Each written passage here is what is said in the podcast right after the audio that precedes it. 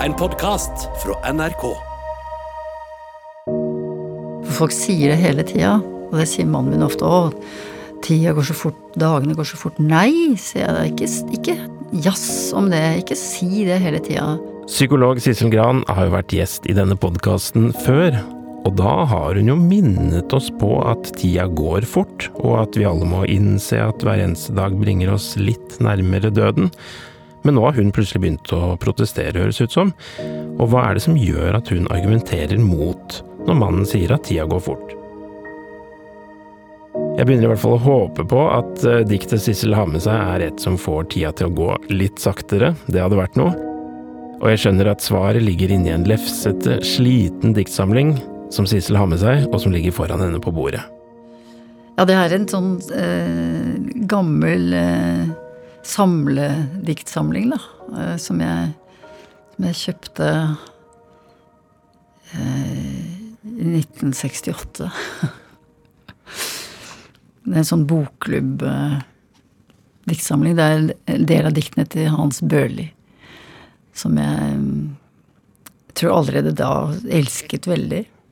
Han appellerte veldig til meg, ikke fordi Børli liksom var skogens dikter, for han likte aldri å bli kalt en skogens dikter, for han var jo en, en uh, Altså, han kunne skrive om det store i det lille. Altså Og jeg tror at når man er sånn 17 år og sånn, da åpner jo verden seg. Da går du inn i det nye livet, altså og da kommer den der lengselen etter å bli fri. Altså um, um, Å få lov til å slippe unna foreldrenes liksom, vaktsomme blikk. Det er et eller annet måten han skriver på, og beskriver livet og menneskene i verden og naturen. Altså hans enorme respekt for og kjærlighet til naturen, da, som eh, alltid har eh, har truffet meg veldig, da. Midt i hjertet, egentlig. Mm. Du var jo her og delte et dikt av Inger Hagerup som heter Lykke. Der er vi veldig eh, tidlig i livet. Det er, eh, det er ungdom og å være rik på uopplevet kjærlighet. Eh, handler det om. Og, og der er det vel Det er vel dagtid på den seterstien i det diktet hvor hovedpersonen går og føler seg rik på uopplevet kjærlighet. Mm. Hvilken tid på døgnet er vi ved nå når vi skal høre dette diktet av Hans Børli?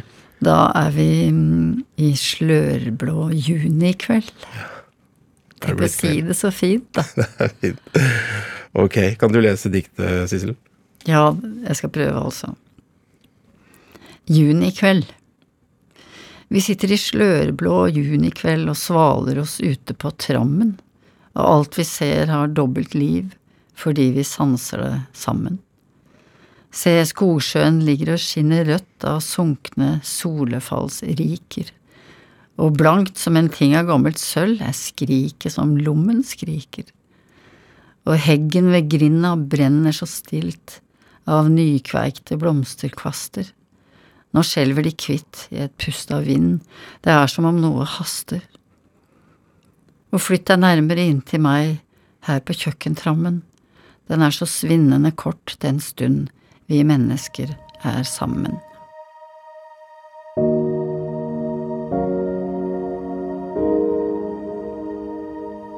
For et dikt. Ja, For en eh, punchline, hvis det går an å kalle det det. ja virkelig, altså. Det er sårt og vondt. Ja, det er det, for det ehm, Det er jo veldig vakkert, men samtidig så er det en, en sorg i det, ikke sant, over alt vi skal miste. At alt det vakre og alle relasjonene til de vi elsker, de, det skal vi miste. Før eller siden.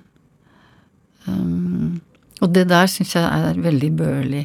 Altså både den veldig naturnære måten han skriver på, men også dette at menneskelivet er så dyrebart. Da. At det er så skjørt, og at vi må ta vare på det. Og flytt deg nærmere inntil meg her på kjøkkentrammen, ikke sant. Og, det, og hele den derre Det er som om noe haster.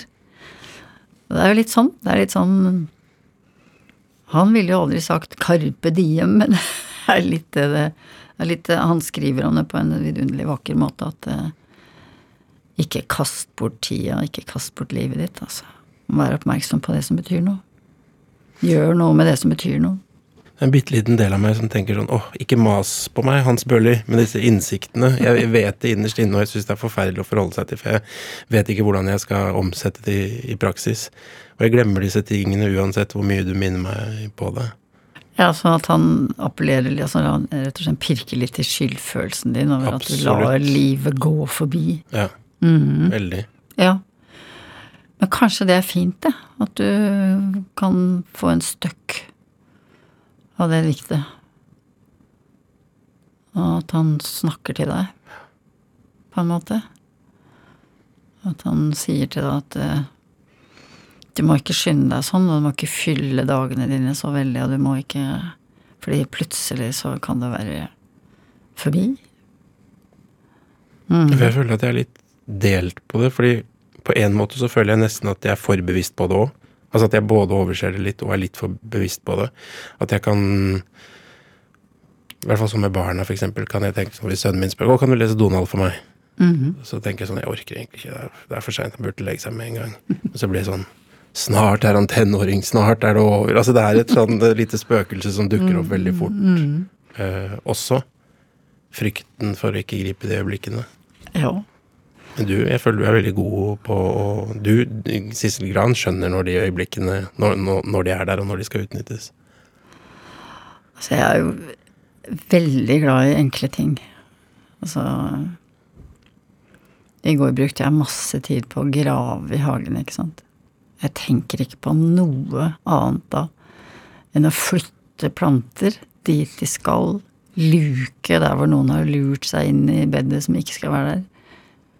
Innimellom alle sånne ting som man må gjøre, da, som er jobben og sånn, som også er gøy, da, så er det sånn tilbake til naturen i det hver eneste dag for meg hele våren, sommeren og høsten.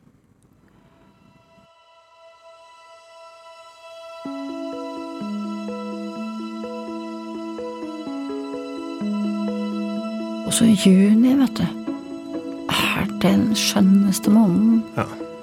Det er vel det. Alle, ikke sant. Da er det sånn at da springer ting ut, ikke sant. Og det er Grønnfargene er berusende, ikke sant. Det er, eh, og det er så ulike. Det er så mange forskjellige grønnfarger. Og det er sånn Og det er, det er som man sier, det er slørblått, ikke sant. Det er sånn skjær over juni som er helt fantastisk, hvor alt er på en måte ferskt. Bladene er helt ferske, ikke sant. Um, og de er så små, så du kan se at de, at de folder seg ut, ikke sant. Det er helt Særlig på varme dager, da, sånn som vi har hatt nå. For at dette forbinder jeg med besteforeldre. Å sitte på trammen er en selvfølgelig eh, ting.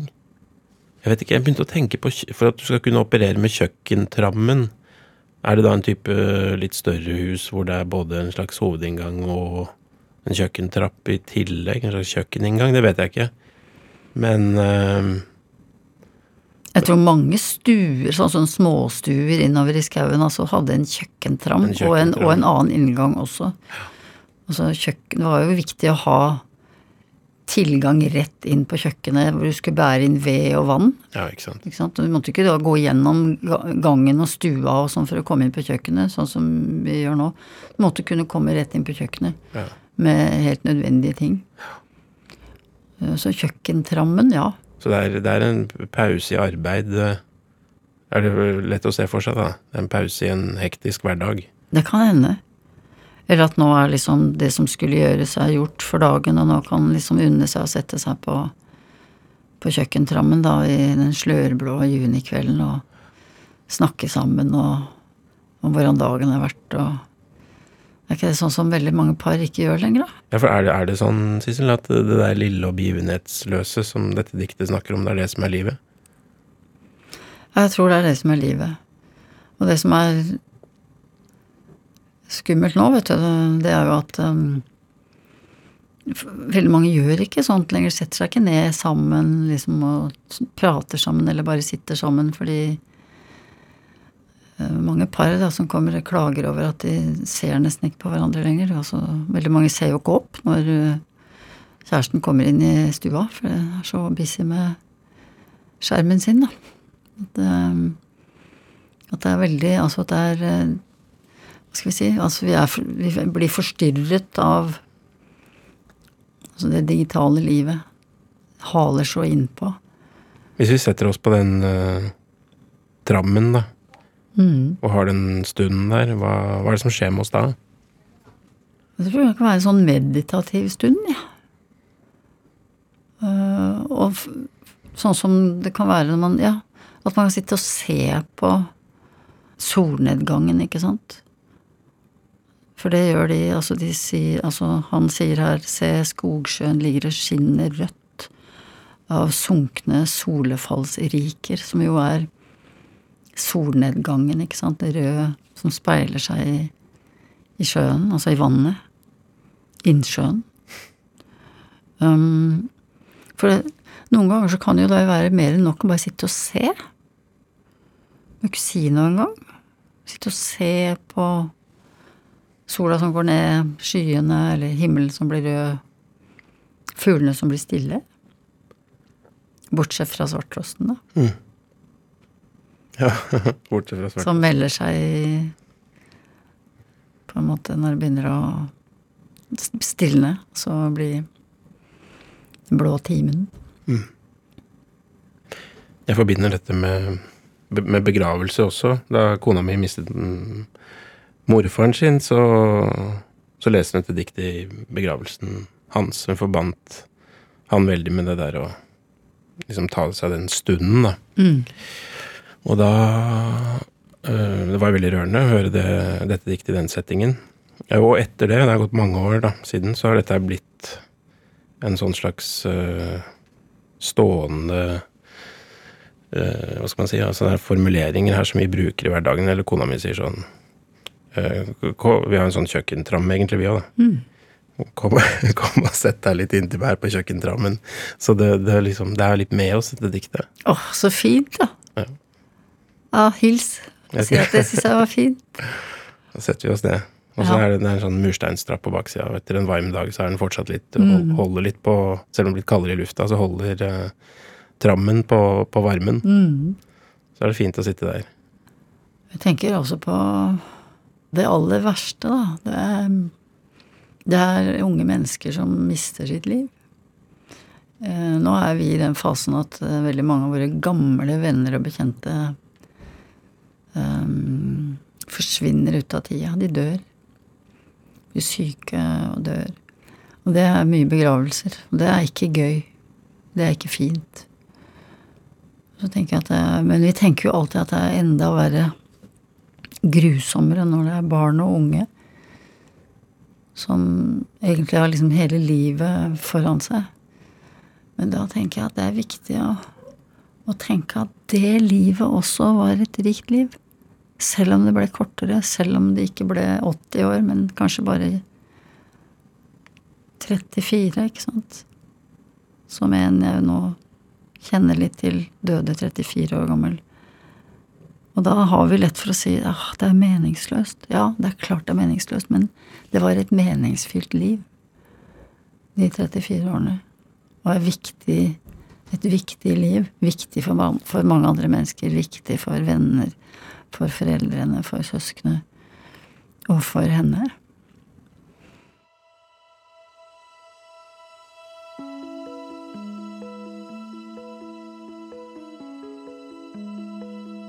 Det er jo rart å tenke på, men for hver dag du lever, så er du nærmere døden, ikke sant? Om den kommer mm, tidlig eller seint. Um, men da tror jeg litt på poesien, ja, vet du. Vi må lese dikt. Vi må ha trøstedikt og glededikt og sorgdikt og morovers og langdikt og korte dikt og eh, Fordi poetene, vet du, de greier å si noe veldig vesentlig noen ganger med veldig få ord. Eh, veldig sånn kompakt. eh, som jeg tror at eh, kan hjelpe oss gjennom livet, rett og slett. Takk igjen da for at du kom, Sissel Gransk. Da leser jeg Hans Bøhlis Junikveld til slutt. Mm. Vi sitter i slørblå junikveld og svaler oss ute på trammen. Og alt vi ser på, har dobbelt liv, fordi vi sanser det sammen. Se, skogsjøen ligger og skinner rødt av sunkne solefallsriker, og blankt som en ting av gammelt sølv er skriket som lommen skriker. Og heggen ved grinda brenner så stilt av nykveikte blomsterkvaster, nå skjelver de kvitt i et pust av vind. Det er som om noe haster. Og flytt deg nærmere inntil meg, her på kjøkkentrammen. Den er så svinnende kort en stund, vi mennesker er sammen.